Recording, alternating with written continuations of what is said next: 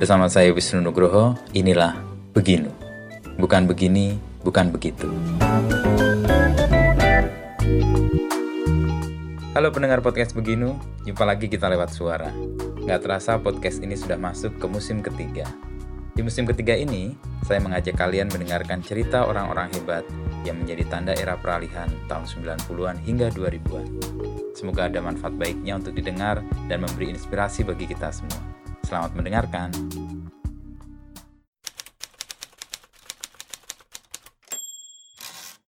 Kalau misalnya situasinya sekarang eh, karena masyarakat nggak terlalu dekat sama kesenian, juga tiktoknya yang jadi gitu mas. Jadi ya karena ini kesenian itu aku nggak terus superior ya, bukan. Iya, iya. Aku belajar banyak, kita belajar banyak, saling belajar bareng sama banyak disiplin ilmu yang lain. Tapi artinya ini disiplin ilmu yang eh, ngomongin olah rasa, Iya, mengolah ya kepekaan. ya. kepekaan. Dan ketika masyarakat kita didekatkan dengan apa kebiasaan dengan olah rasa tadi, aku pikir sensitifat sensitivitasnya juga akan tumbuh. Muncul ya. Iya.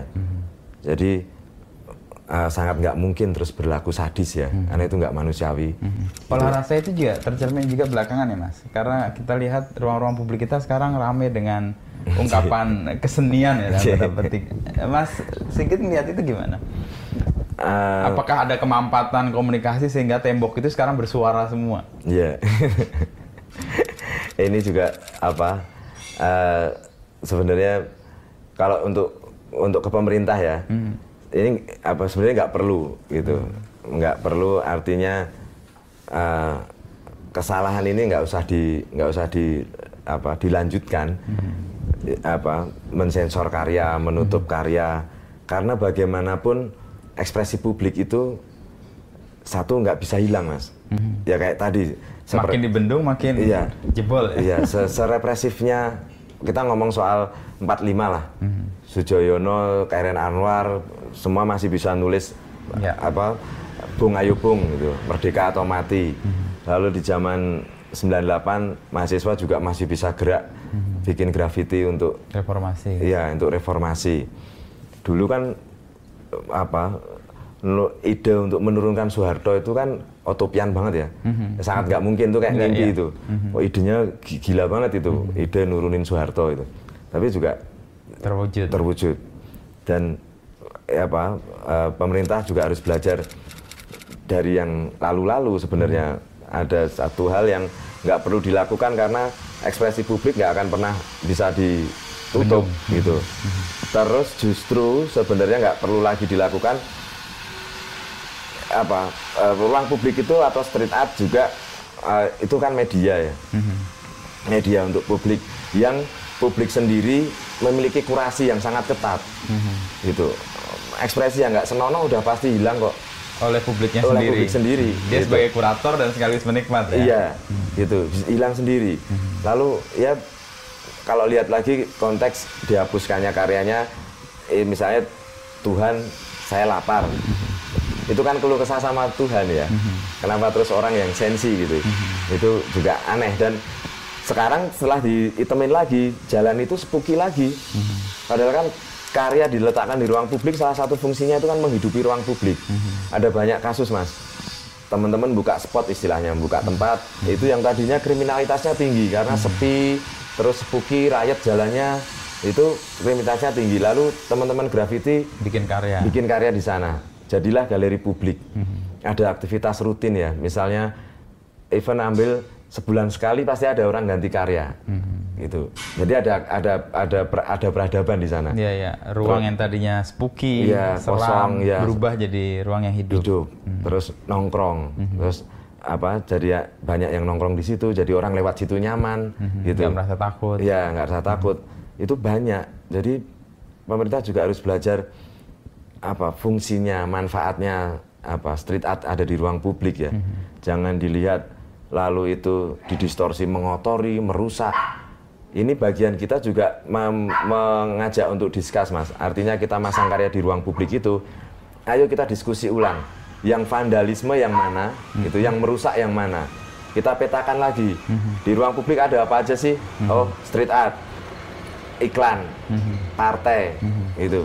Oke, ini lihat ininya apa porsinya masing-masing. Oh yang iklan, apakah yang iklan juga tidak melakukan pengerusakan? Karena justru kalau kita balik lagi ke filosofi kearifan lokal kita, Sakmat Sakmadio tadi, itu penghancurannya dilakukan dari penggelaran iklan, ini tadi. Bagaimana masyarakat yang punya filosofi seperlunya menjadi konsumtif. Itu kan agitasi yang sangat masif dari iklan yang digelar di ruang publik kita. Makanya Mas Sigit bikin respon untuk iklan makanan cepat saji itu ya. Kemudian ada dua anak yang kelaparan gitu ya, Iya, sebagai iya. kontras atas budaya konsumtif di tengah Iya. situasi yang Iya. seharusnya nggak seperti itu. Iya. Ya itu iklan. Lalu yang berikutnya apa Mas? Ya terus apa? eh, jadi agar kita tahu konteks apa eh, vandal vandalisme itu bagaimana? Seperti apa, ya? Ya daya rusaknya. Kalau misalnya anak-anak kita berekspresi, nagging, Mhm. apa di jalan gitu ya, kerusakannya secara fisik ya itu oke lah. Kayak eh, satu hal yang jauh lebih murah dan secara teknis lebih mudah direstorasi, Mhm. gitu. Tapi kalau value, kalau nilai, Yang hancur yang karena hancur. iklan tadi Iya, misalnya. Kalau mental, ini merecovery kembali masyarakat menjadi lebih bijaksana lagi seperti sebelumnya, Mhm. itu sangat susah, sangat sulit, gitu. Jadi ayo, yang rusak yang mana? Yang daya rusaknya lebih gede yang mana? Mhm. Belum lagi terus item ke salah satunya partai, Mhm. gitu.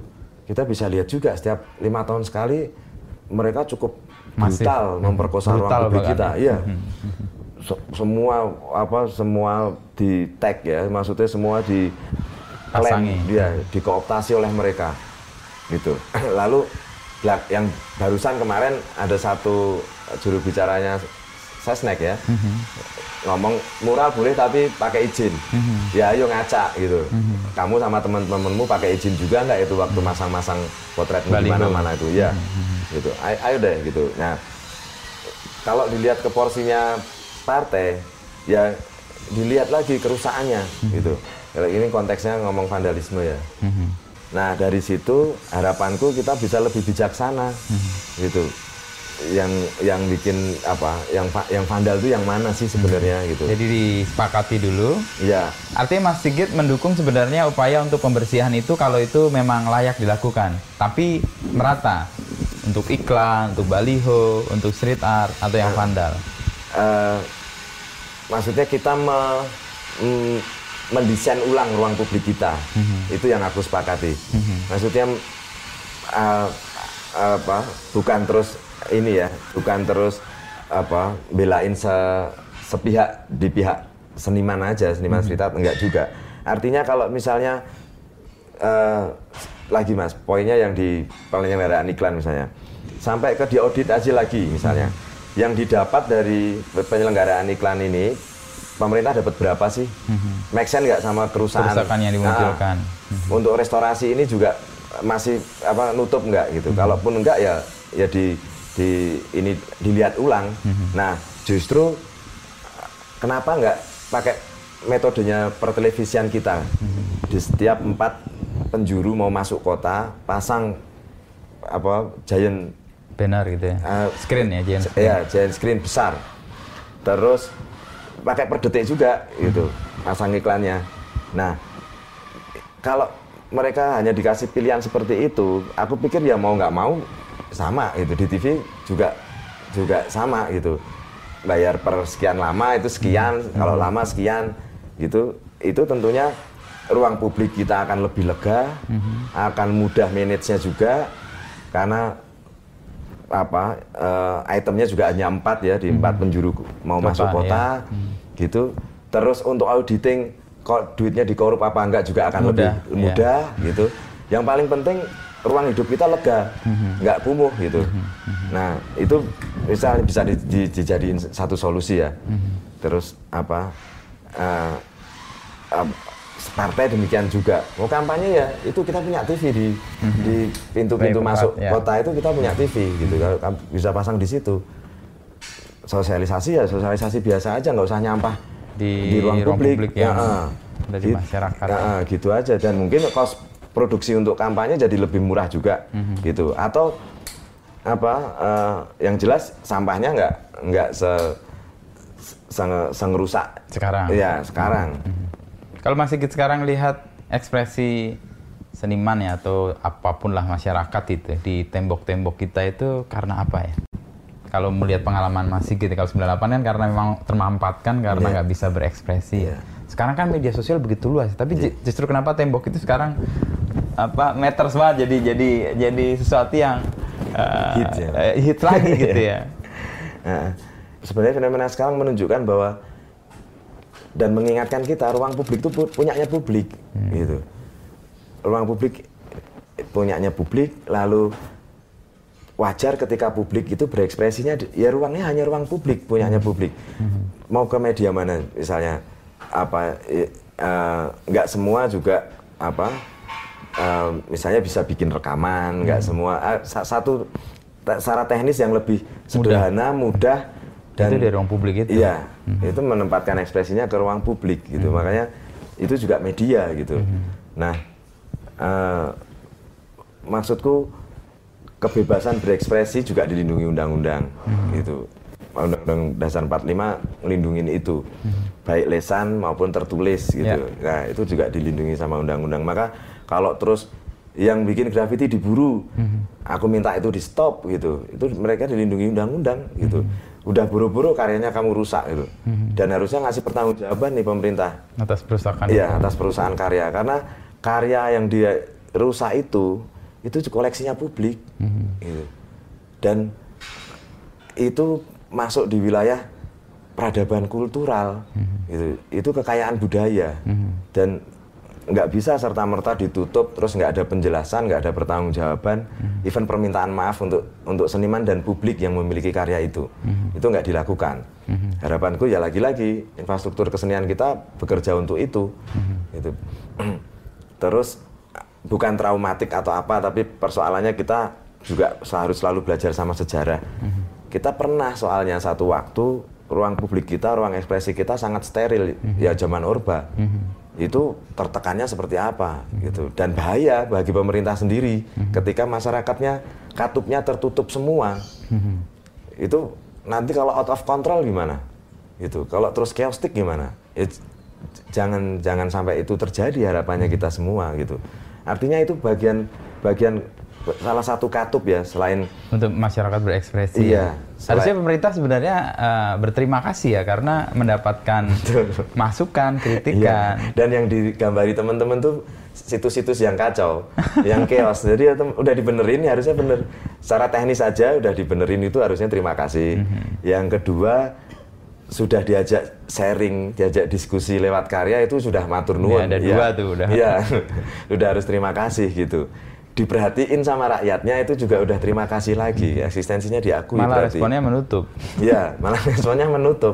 Tapi itu kan eh, kayak apa ya respon yang umum terjadi ya di hampir semua negara ketika Iya. ruang publik itu diambil alih oleh eh, masyarakat ya. Nah, yang aku maksud kurang berbudaya itu karena sebenarnya kenapa semua sama? Bahasa yang dipakai mereka itu sama ini kan bahasa yang masuk ke wilayah arogan untuk menunjukkan anu Mas, apa eh, kekuasaannya. Sama sekali nggak pakai respect. Kalau pakai respect itu juga rumah orang loh, nggak mungkin kamu jadi belang bonteng gitu. Harus jadi belang-belang ya dibenerin dong, dicat yang bener kalau respect. Masih ada respectnya ini sama sekali enggak. Jadi memang bahasanya ya memang bahasa Kekuasaan. kekuasaan. Kalau di negara lain hal ini terjadi juga nggak menurut pengamat? Kayak di New York misalnya ketika graffiti sangat eh, intens dan mengkritik waktu itu layanan publik ya. Iya. Di apa eh, transportasi umum Sampai mereka bikin departemen anti, graffiti. Iya. ya. Iya. Nah, sama, semuanya sama. Artinya te- apa? Teret apa? Kekuasaan negara ini itu apa? eh, eh, mau menunjukkan kekuasaannya atau kontrolnya terhadap publiknya. Itu alasannya kan terus ini ya eh, masuk ke ranah yang dianggap subversif itu kan karena masuk ke ranah personal, ke ranah privat gitu.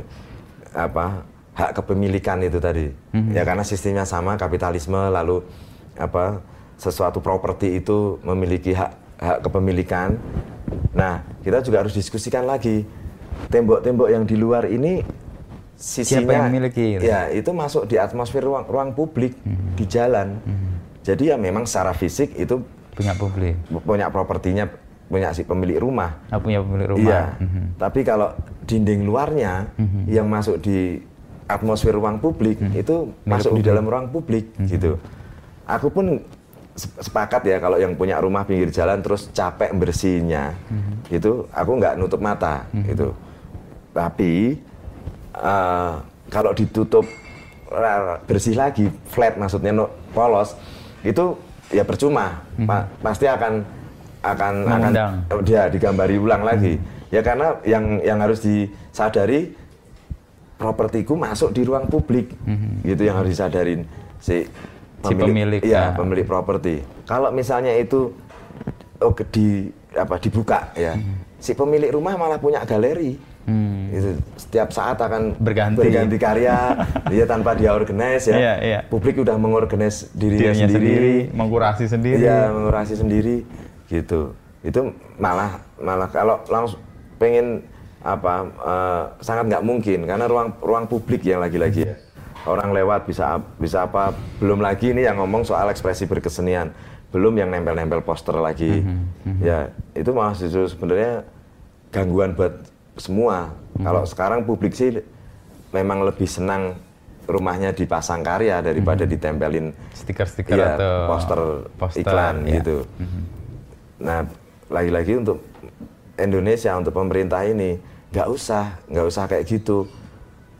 Malah lihatnya yang sebagai ini potensi bangsa, satu generasi kita yang cukup kreatif gitu, Dile- dilepaskan aja gitu.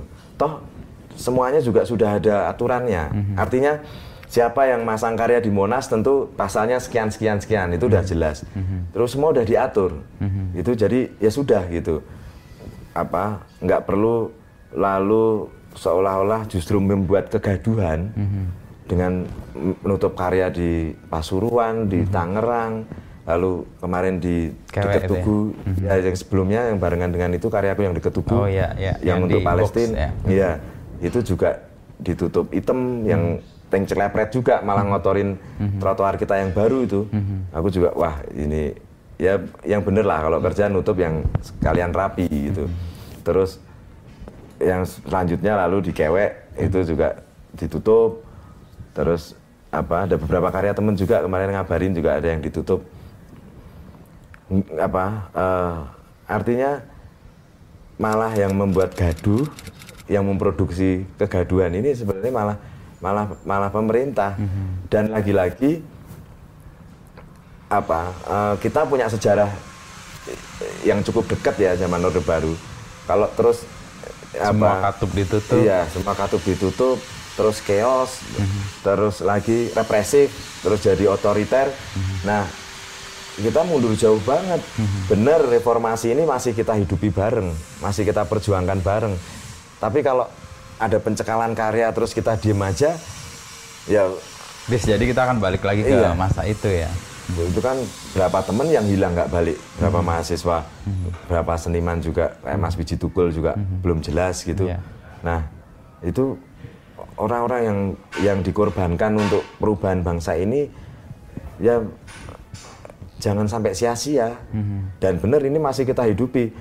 Toh berapa jauh tahun ya dari reformasi sampai sekarang korupsi juga masih ada dan lebih ironinya lagi yang korupsi muda-muda.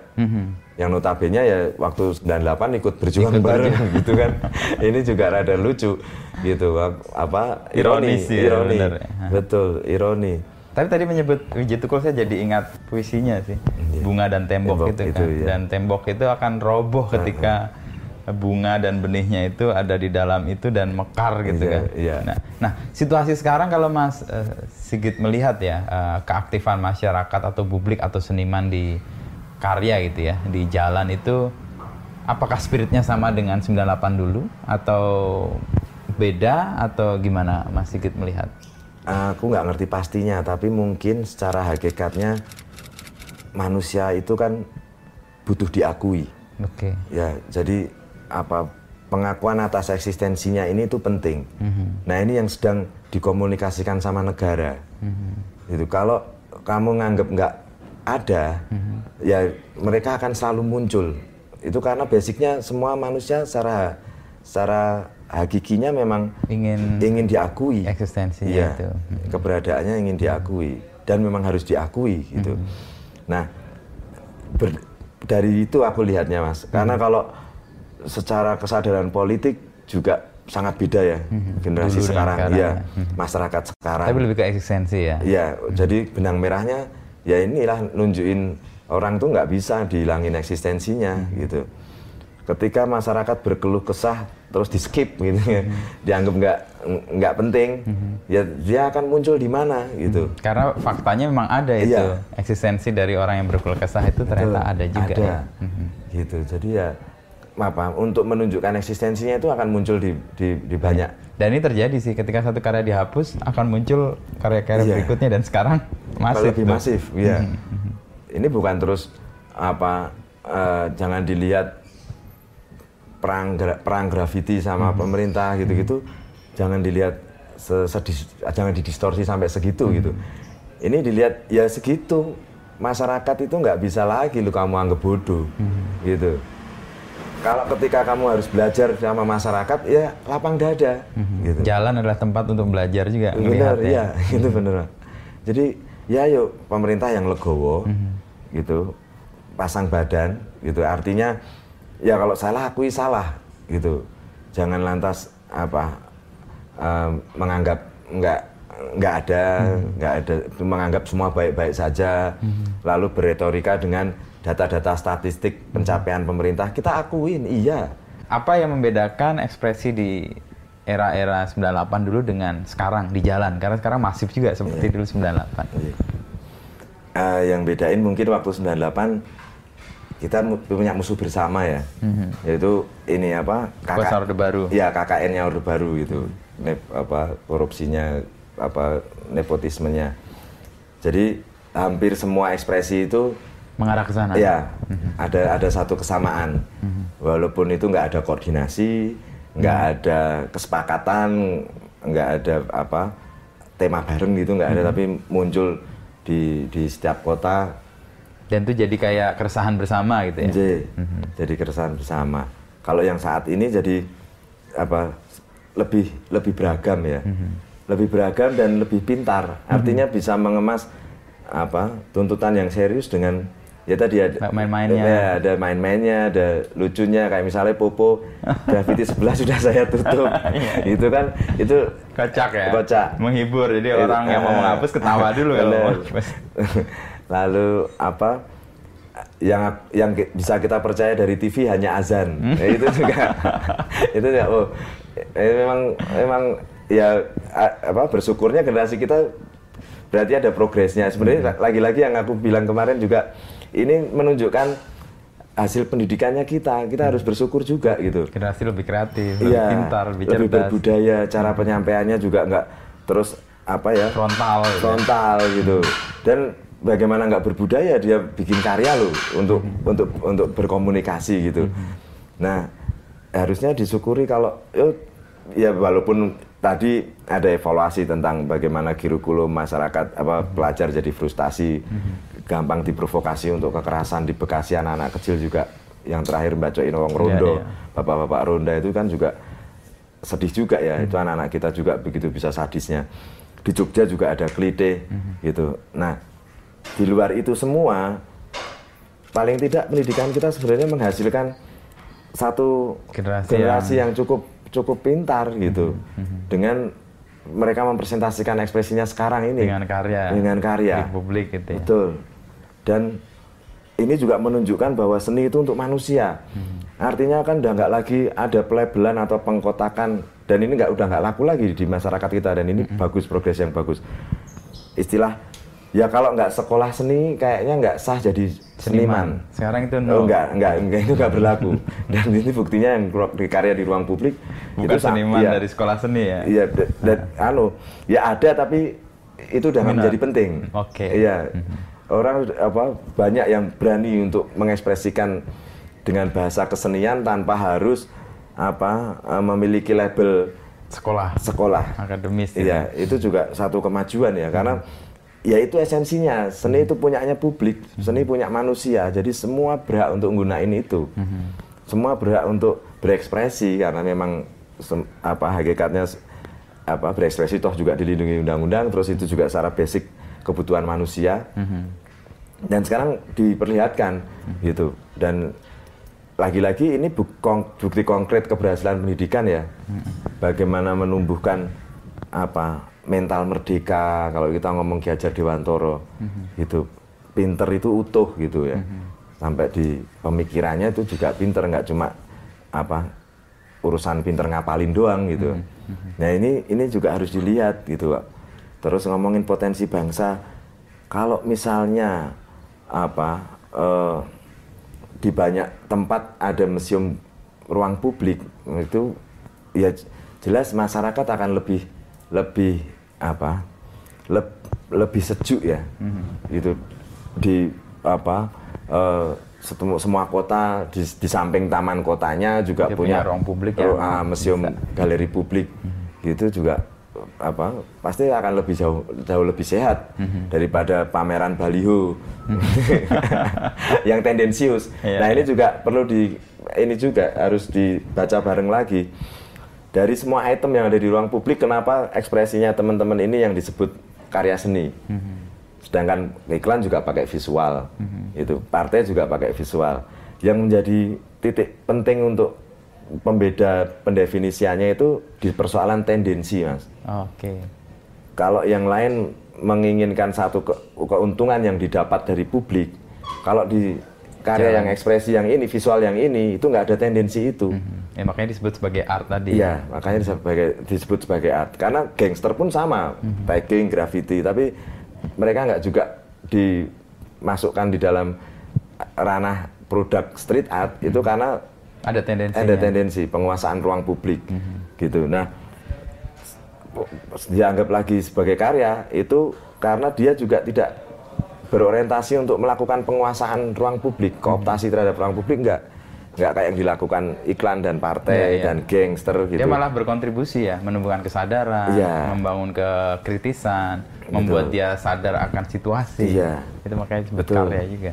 bahkan aku sama apa sampai sama apa ya sebenarnya sangat rindu ya Eh, karya-karya abstrak tapi ada di ruang publik misalnya gitu jadi ruang publik juga jangan lantas berpikir harus agitatif harus apa enggak ya ini di- ruang bersama gitu Apa aja bisa masuk. apa aja situ. bisa masuk waktu di London ada satu ada banyak spot ya aku lihat Mm-hmm. karya-karya graffiti yang wih keren ya gitu karya eh karya Abstrak, gitu ya. Mhm. karya-karya abstrak di, di jalan itu wah keren banget gitu dan beneran ruang publik jadi kayak galeri besar gitu Dan itu, menyenangkan itu kan? menyenangkan Buat energi yang kita hidupi Mm-mm, juga lebih iya, kuat ya betul. karena mendapatkan itu. Tapi Nah. Mas respon Mas Sigit kalau karya gitu ya, direspon secara berbeda itu gimana? Direspon apakah tadi hapus, apakah ditembak karya lain, apakah kemudian dipersoalkan? ya Respon Mas Sigit gimana? anu apa eh, bisa dibilang apa biasa aja atau menerima konsekuensi itu karena Oke. disadari dari awal Eh, mau fragile free- eh, memang kalau karya di jalan itu rentan dia sangat Itu udah ada kesadaran Iya. dari semua Iya, sejak kita meninggalkan karya itu, bahkan waktu proses masang belum kelar itu sudah Bisa jadi harus persoalan. membangun kerelaan itu sampai terus meninggalkan ya. Bukan berarti kita bikin karya semaunya atau segampangnya itu enggak juga. Enggak. Itu dengan se- seluruh ketulusan. Lalu kita tinggalkan itu kita sudah sadar nih mau hancur kapan gitu.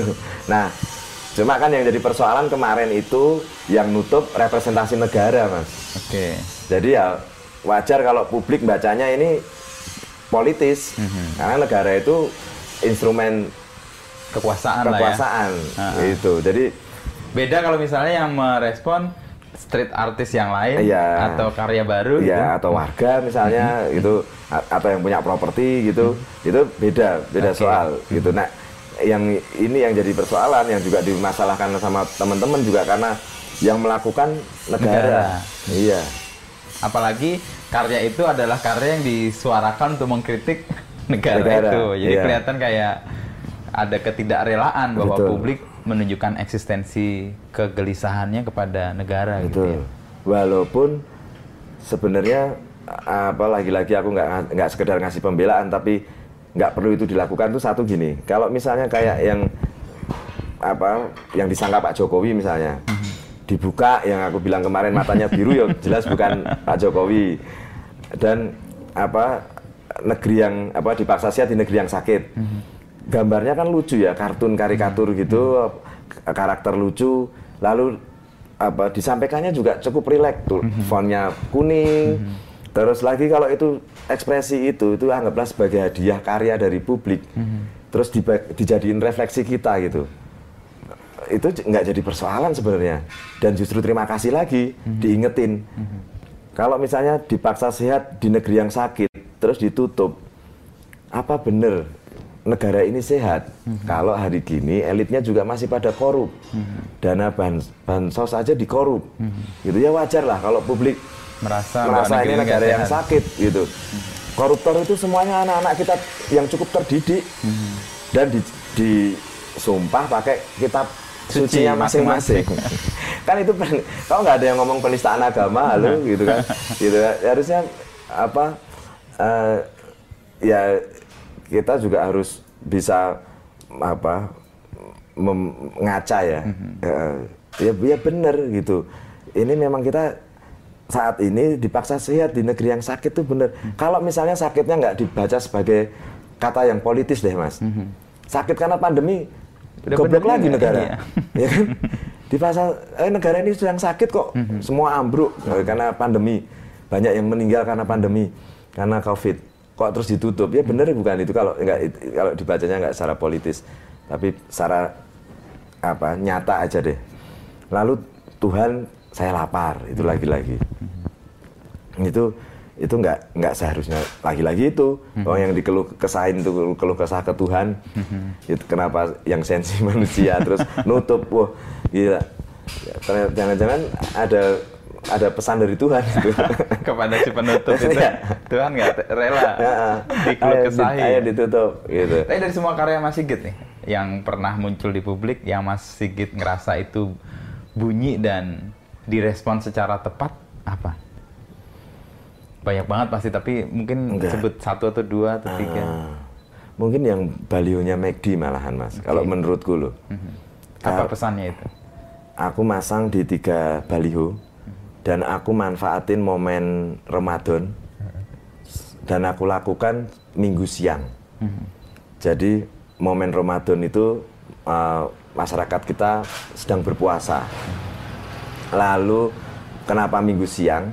Minggu siang itu masyarakat kita sibuk mempersiapkan segala hal. Jadi sibuk apa berbelanja, Sadarlah orang, nggak tidur atau nggak sedang istirahat gitu. Ah, dan relatif waktu yang cukup nyaman untuk aku bekerja, Mas. Oke. Karena masyarakat sedang sibuk dengan aktivitas belanjanya untuk nanti berbuka Sore. puasa segala macam. Lalu apa saat itu waktu musim ah, waktu bulan puasa jadi nggak terlalu crowded, memang lenggang. Lalu setiap minggu siang aku Bikin kerja, karya itu. ya bikin karya itu. Aku bawa tangga, aku naik ke balionya, aku pasang karya yang anak itu sebenarnya anak Sudan di atas eh di bawah truk logistik bantuan pangan itu mas. Banyak anak meng, apa, Minta mi- bantuan. Iya minta bantuan gitu. Aku crop hanya dua anak, terus aku pasang di depan badutnya McDonald. McDonald. Si Ronald. Si itu. Ronald itu. Nah, apa? eh, aku pasang tiga baliho. Mhm. Aku setiap minggu siang ada tiga kali minggu.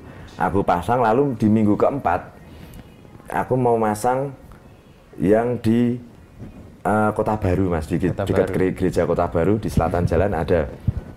Aku mau masang di situ balionya ganti. Oh. Loh, ganti M. Tadinya ada gambar Badutnya, Ronald ya. ada. Kalau secara apa teman-teman desain komunikasi visual yang paling ideal memang yang ada badutnya karena aku pun juga merasakan atas nama orang tua itu kita nggak bisa bohong harus ikut jadi marketingnya mereka ketika anak-anak nanya itu apa itu kan terus jadi harus jelasin Iya, iya. ah, nggak Siapa sosok itu? Iya. Dan Oh, ngapain dia ada di situ? Jual, jual burger gitu kan. Terus ya nggak mungkin oh itu sirkus sirkusnya mana gitu kan nggak mungkin. Nah itu jadi begitu karya itu diganti M, aku keingetan juga mas. Oh di Jalan Prangtritis dekat pojok Beteng Wetan ada. Aku ke sana. Eh M juga. Oh, udah diubah. Iya. Ja- Terus aku oh di Jalan Solo deket bandara deket Hmm. apa lampu merah Meguwo aku ke sana M juga Hmm. dan ternyata semua sama dan balio yang sudah aku pasang juga hilang Oh, Eh, ganti yang hilang satu di Jalan Magelang Hmm. Di depan Borobudur Plaza itu itu hilang setiangnya dan sampai sekarang nggak ada Jangan-jangan di koleksi kolektor tuh. terus tapi yang lain i- ja- ganti M semua Oke. Nah untukku ini kemenangan kecil publik ya. Hmm. Artinya kalau sudah diganti logo huruf M itu kan bahasa simbol, bahasanya orang dewasa. Hmm. Jadi nggak langsung iya, mengkonsumsi. ya jadi publik nggak nggak ya bisa sedikit lega Hmm. gitu. Nah itu buatku itu karena secara wacana mungkin enggak tapi secara sosial membawa perubahan itu ya. membawa perubahan. Kita sedikit lega, tidak harus apa dipaksa untuk jadi marketingnya atas nama orang tua dan kejujuran. Lalu jadi bahasa simbol itu, bahasa logo itu bahasanya orang dewasa. Jadi lumayan terlindungi lah. Iya. Misalnya Tapi itu publik. dilakukan siang-siang nggak berisiko mas? Nah, Atau memang pilihan? pil- ah, karena gini mas, ini juga ini ya, aku ceritain juga ya. Masyarakat kita ini kan masih terjebak kalau malam salah dan siang benar. Iya. lalu sesuatu yang aku lakukan siang publik akan membacanya sesu- sebagai sesuatu yang benar gitu itu kenapa Memilih siang. aku memilih siang karena memang benar karena itu memang sebenarnya hal yang benar Bukan kekeliruan ya. Bukan kekeliruan. Mas Sigit mau meluruskan eh, iklan itu gitu ya.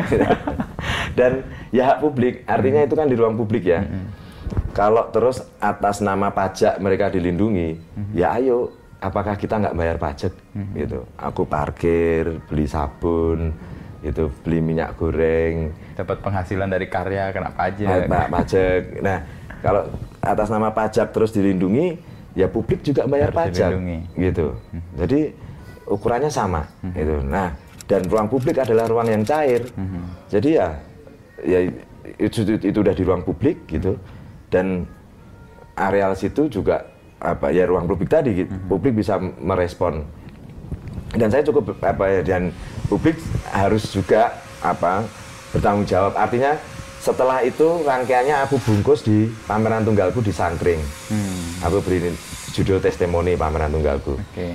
jadi itu berkala mas setiap kala aku bikin memproduksi pameran tunggal untuk memberi hak publik mendapatkan klarifikasiku mengetahui karya-karya Mas Sigit iya komplain atau ingin tahu detailnya atau mau tahu lebih jelasnya aku harus mem- me- membayar hak publik itu gitu. Nah itu kenapa di galeri? Karena juga eh, kayak misalnya eh, artis talk gitu ya mas. Ada presentasi karya. Kalau aku lebih tertarik ngobrol sama pelajar yang sudah-sudah anak sama anak kelas 1 SD gitu Oh gitu. Ya, itu kenapa nggak sama seniman? Tapi buatku gini, akan banyak sesi berkesempatan ngobrol bareng sama seniman. Yang kedua, nggak kayak nyunguyai segoro mas. Kalau mas seniman ya. Iya, kamu sebenarnya udah paham gitu. Nah, jadi lebih berguna kesempatan kita belajar ini akan lebih berguna ketika kita mentransfer sama anak Anak-anak kita ya. pelajar. Ya walaupun tingkat kesulitannya lebih, A2 ya. Iya. Harus menjelaskan sesuatu yang nggak mereka Iya. paham mungkin ya. bahasanya kosa milih kosakatanya harus yang eh, ramah sama anak lalu kalau pakai istilah-istilah kesenian akan lebih cepat dan lebih memudahkan aku mem- membuat gambaran ya itu tapi kalau sama anak-anak kayak misalnya aku nggak boleh mempromosikan sadistik kekerasan seksisme korupsi itu terus ya konteks misalnya tentang perang aku kasih perumpama apa pergantian kosakatanya ini jangan berantem gitu untuk korupsi ya ngomong yang sportif gitu-gitu jadi harus harus harus pintar-pintar dan itu seru buatku Pas buat mereka ya. Iya, walaupun sulit gitu, walaupun tiba-tiba kita harus cari kosakata yang yang common yang untuk anak-anak nyaman kayak gitu. Jadi eh, intinya ma- seniman juga punya kewajiban untuk memberikan pertanggungjawaban karya. Untuk seniman. respon Mas Sigit tadi yang ke Ronald itu ada keberatan dari pihak pemilik brand? Belum. Nah, Oh, itu waktu pas pameran tunggal itu aku tunggu-tunggu, Mas. Gitu, pas pameran tunggal aku tunggu-tunggu. Bahkan sebenarnya aku mau cari itu disimpan di mana. Sampai sekarang yang ketahuan. Ada. Nah, biar jadi misteri aja. iya. Kalau yang Munir itu Mas Sigit juga yang buat? Iya, yang foto foto Munir. di apa? Oh kalau di Wetpage itu anti tank. Anti tank ya tapi saya bi juga bikin yang pakai stensil. Stensil ya. itu saya kelilingin terus finishnya di rumah Munir. Mm-hmm. itu waktu itu artinya rumah ini gini mas. Dulu aku punya dua pilihan. Mau ke Batu Malang atau ke, ke Kontras di Jakarta. Mm-hmm. tapi terus aku pikir meninggalnya Cak Munir ini kan karena kerja politik ya. Hmm. Jadi simbolnya itu ya institusi kontras hmm. secara fisik. Ya. Nah lalu aku nembung di kontras untuk masang karya itu, karya itu ya di halaman depan aku pasang itu e, gambar Munir terus ada anak kecil nulis kami tetap ada dan berlipat ganda hmm. gitu. Dan itu jadi wacana yang besar sih kemudian. Hmm. Nah itu tak pasang itu walaupun juga ada ormas mas yang pakai tagline itu kami ada dan berlipat ganda. Tapi ya izin. ya tapi ya sudahlah gitu. Maksudnya ya kita nggak nggak yang nganut copyright gitu. Oh ini nggak kelompok EBC ini. Jadi copyright is for the loser katanya. Jadi jadi ya sudah. Asal ya, itu kan anu ya otokritik ya. Mhm. artinya ya semua bisa bisa ngambil semua bisa make. Even ya dipakai buat untuk ke, untuk kepentingan politik juga ya itu itu resiko. Mm-hmm. Tapi buatku pabriknya ada di publik mm-hmm. gitu. Pabriknya itu ada di ada di kepala kita. Jadi kalau itu mau direduksi, mau di apa, di kopi, mau di apa, monggo, monggo gitu. Toh kalau ngomong soal keaslian, aku tuh nggak bukan bukan apa apa mas ya nggak nggak nggak ngikutin copyright karena juga supremasi hukum kita juga masih di, perlu Lemah dipertanyakan. Ya. ya. Aku nggak mau juga terus kayak band-band yang ngampanyain anti pembajakan gitu. Hmm. Kesannya jadi kayak moralis gitu. Hmm. hmm. Dan formalis gitu. Gitu karena hukum sendiri juga harus masih di banyak banyak dapat catatan. Hmm. Tapi bukan juga aku terus apa uh, mikir ada atau khawatir gitu karena ya catatan digitalnya bisa di track gitu. Okay. Siapa yang membuat atau ya, siapa yang nah, itu udah cukup hmm. gitu. Sebenarnya teknologi udah udah udah mem, apa membayar itu gitu. Apa bisa di track gitu udah udah udah cukup dan itu lebih valid ya. Valid, valid hukum sosial itu lebih valid daripada terus aku harus ngurus haki yeah, yeah. secara filosofis pun aku cuma pencatat tadi mas. Mm -hmm. Apa ya pas si kita disebut kan yeah. seniman tuh ya pencatat tadi. Iya jadi kalau ngomong asli kok kok kayak arogan ya, kayak, kayak sombong ya gitu. Orang aku cuma mengkolase dari apa yang aku dapat, mm-hmm. terus aku bikin notulensi dan mempresentasikan ya, dan mempresentasikan itu gitu. Jadi ya ya itu kenapa terus nggak nggak pakai copyright copyright, copyright mas. Kalau dibaca malah seneng karena dibantu kampanye. Karena karya sudah sukses itu dibaca mas. Ya. Kalau belum dibaca kayaknya belum sukses ya. Dan message-nya malah lebih masif. Mm-hmm. Itu kayak pernah lucu aku sama istriku di Blok M. Mm-hmm. Kebetulan dulu kan kita ada band elektronik ya, ya sampai mm-hmm. sekarang tapi Iya, Teknosit itu. Itu kita habis dari terminal Blok M nyebrang jembatan penyeberangan turun lapaknya itu di bawah itu di dekat mm -hmm. tangga penyeberangan terus itu kita nemu album pertamanya Teknosit oke okay. dan sama band-band underground lain ada Jeruji ada mm. teman-teman banyak.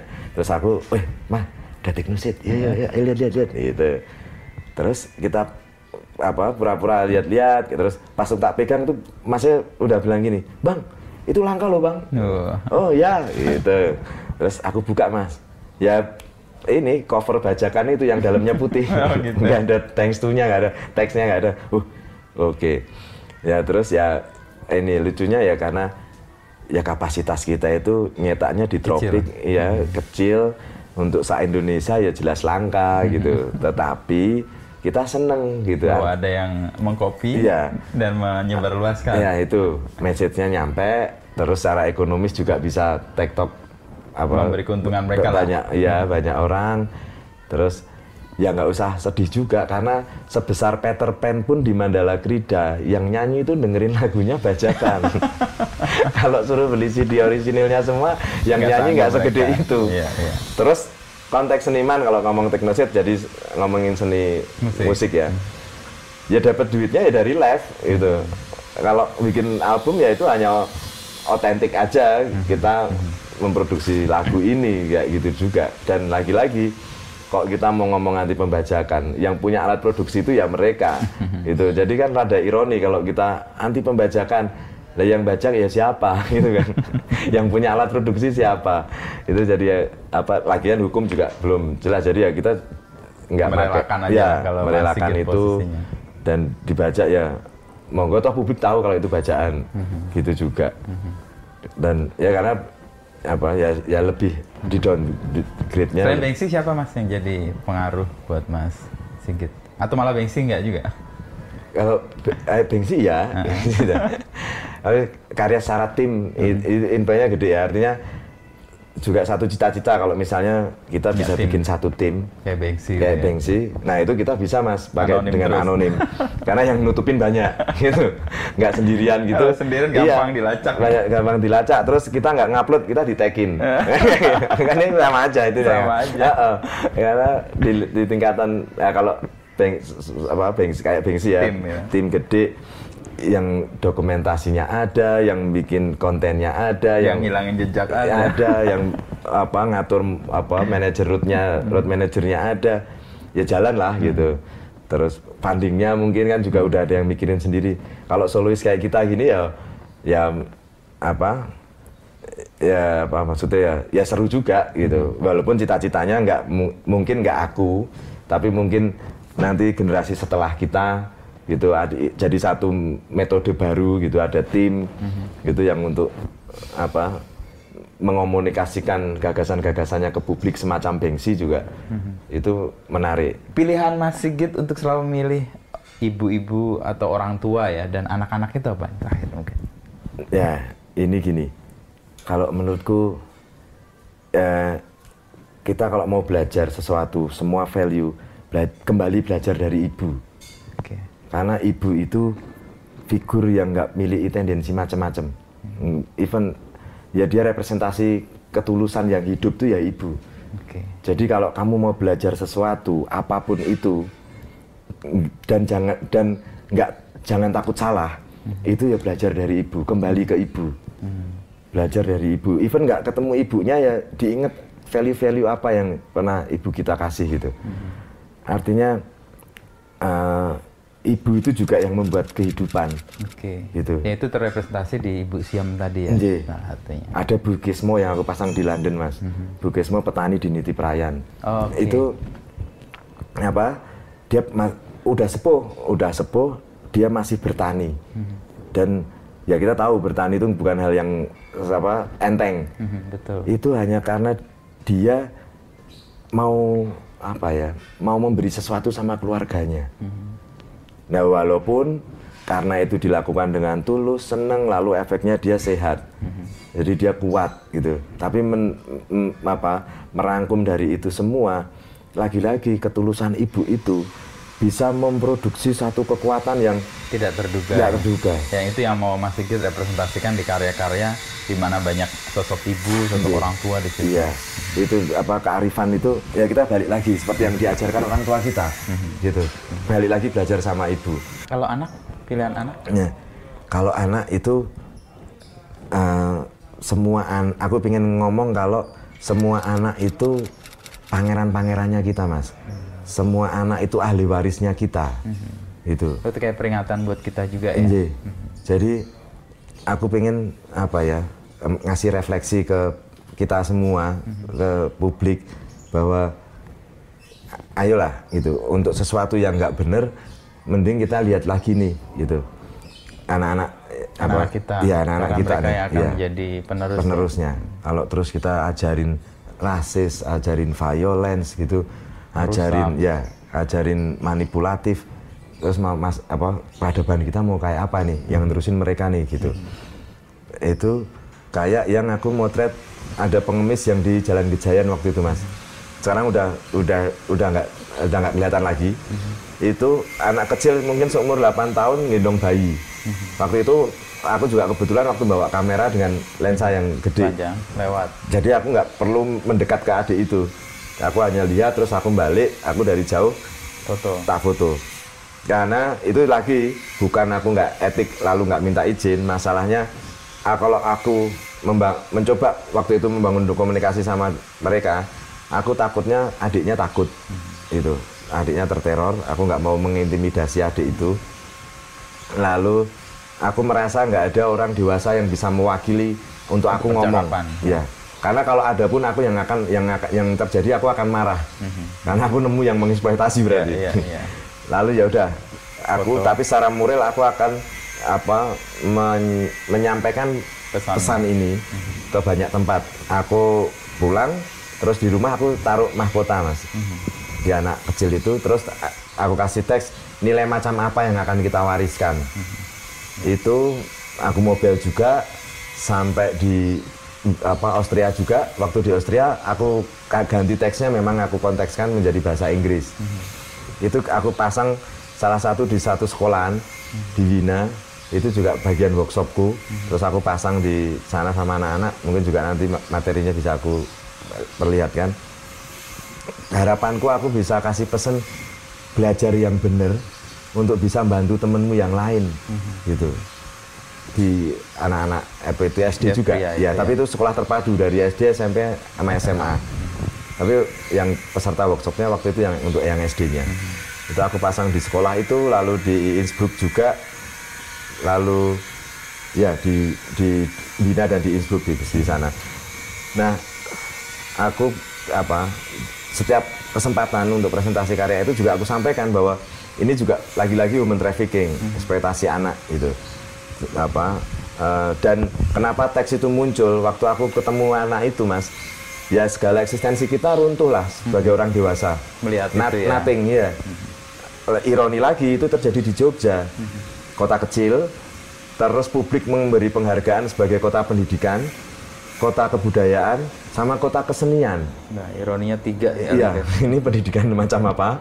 Kebudayaan mana? macam apa? Kesenian estetik macam apa ini gitu kan? Gitu kok eh, sarkas banget gitu. Apa alam ini menunjukkan apa muka kita itu. Iya, iya. Nah, itu jadi aku kelilingin juga. Nah, karya itu jadi inget juga masternya aku hancurkan di Wina. Hmm, karena Ya aku nganggep Itu sudah- ini, ini finish gitu. Ah. Itu waktu masang di mobil mas, di mobil di di Wina selesai terus aku tapi aku hancurin dulu untuk aku masukin ke tempat sampah. Itu sudah berapa kali cetakan ya? Itu banyak banyak sekali. banyak sekali. Kalau artworknya yang ngoleksi Minya Via Via mas. Oh, via via di Iya. Prawiro Taman. Aero Taman. Itu satu persatu uh, stensil di atas kanvas. Oh, Oke. Iya.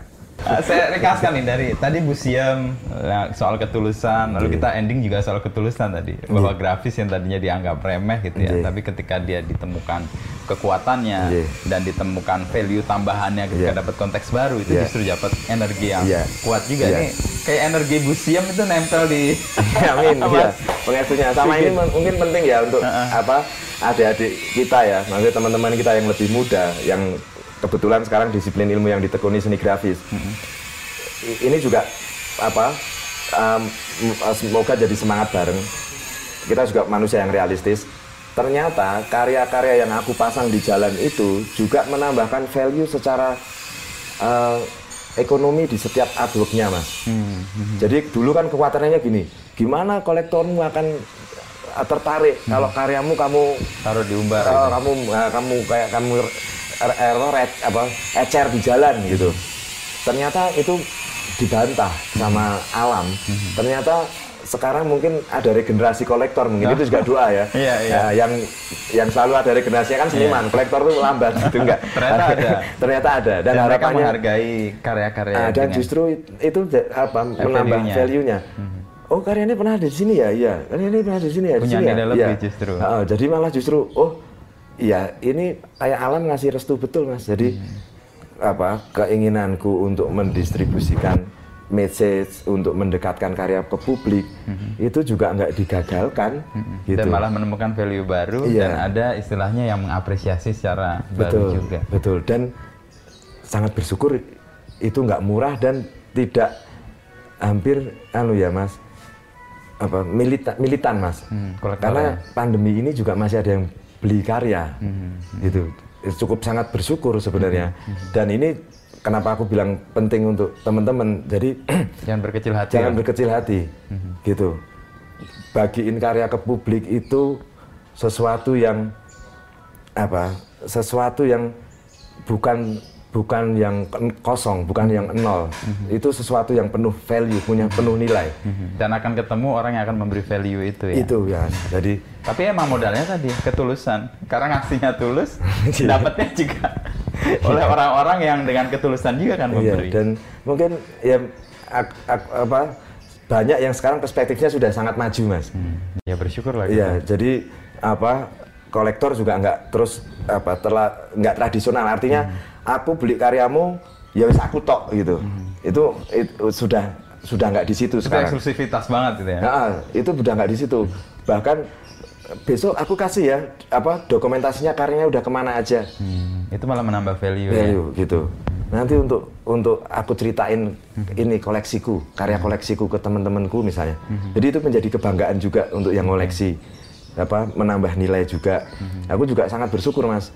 Walaupun dulu mikirnya ada selentingan teman-teman ya diskusi kayak itu wah kamu ngecer bahkan sampai aku dianggap merendahkan uh, ini apa ke apa sesuatu yang eh, kesakralan seni fine artnya grafis hmm. ketika karena mengecer ke jalan. kelas ah. yang rendahan gitu ya bahkan itu waktu di, masih di kampus ya hmm.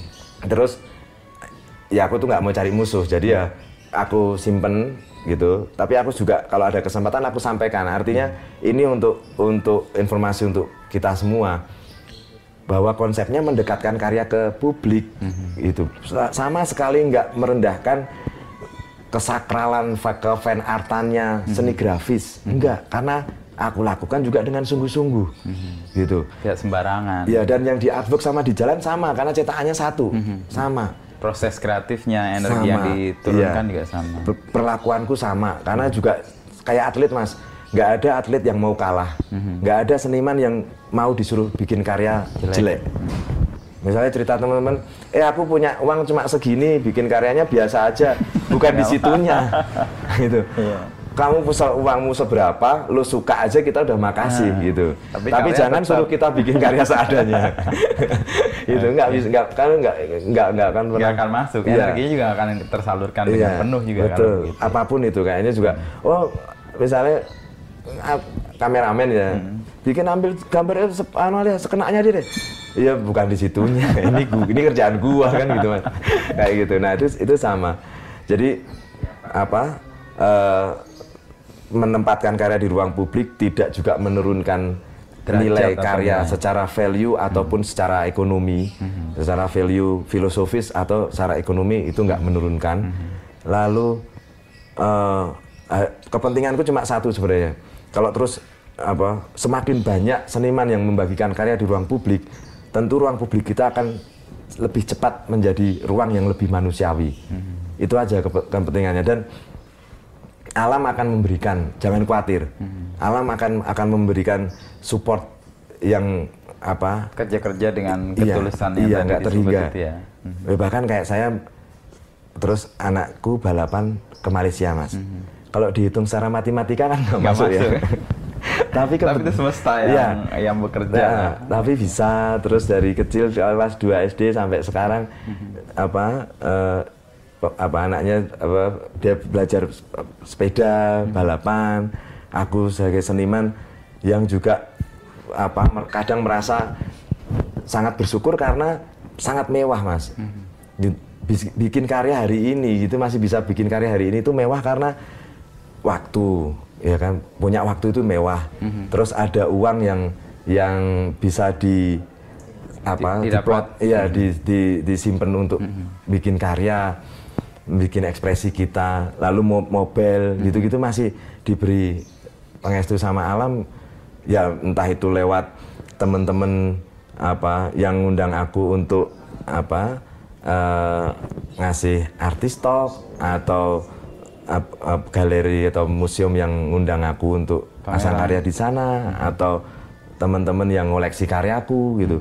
Tapi artinya banyak sekali banyak sekali apa kemungkinannya yang untuk untuk ngomongin supporting sistem di, ya, untuk ya, artis ya, iya, karena karya-karyanya. Ya, kadang ya walaupun sampai hari ini juga kadang masih suka bingungnya gini mas. Terus kamu dapat duitnya dari mana? bingungnya masalahnya kamu punya waktu nggak? Kalau punya waktu aku jelasin. Karena masih butuh pajak. kalau nggak punya Tapi kalau kembali ke semangatnya Mbak si Bu Sien kan itu nggak ada kekhawatiran sebenarnya.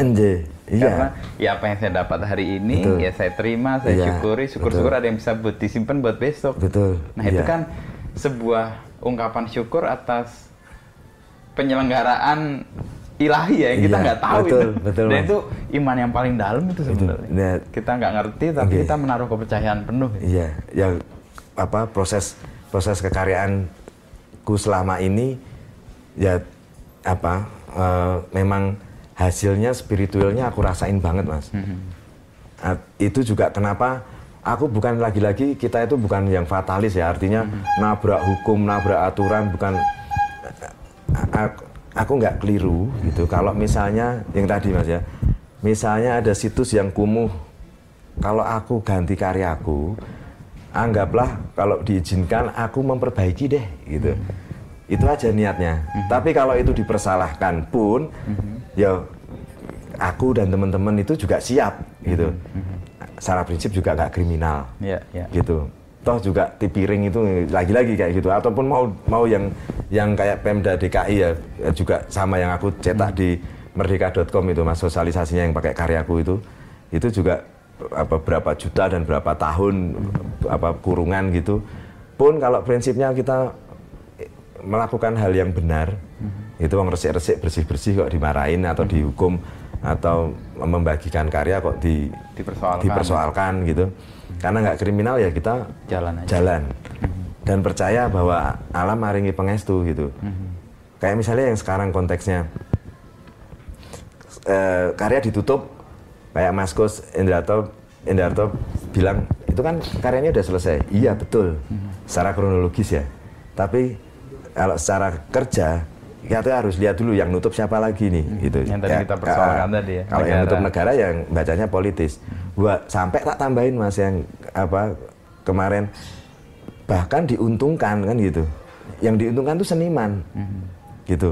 Tapi kan kita nggak nggak boleh juga lalu hanya sepihak. Ada tanggung jawab moral di setiap di- iya ya apa eh, artinya kita nggak cuma oh karya ditutup seniman yang diuntungin gitu.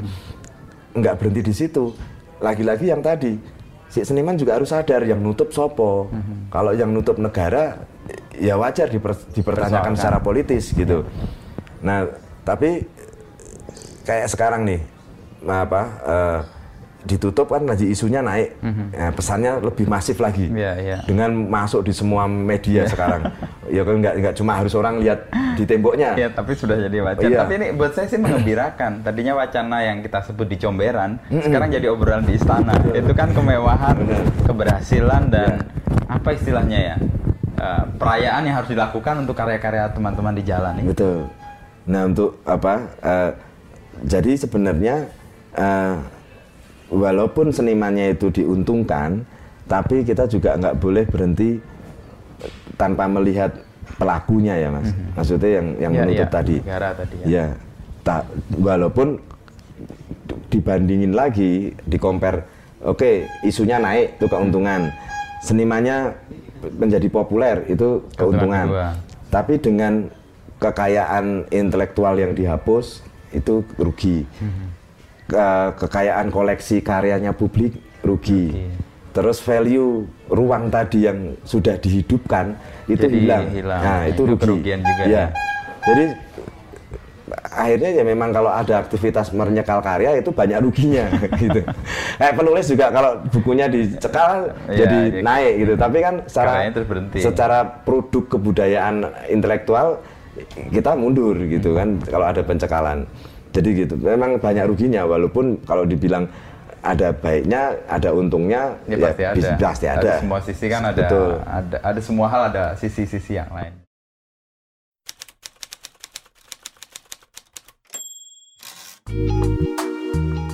Sampai jumpa di episode Beginu berikutnya.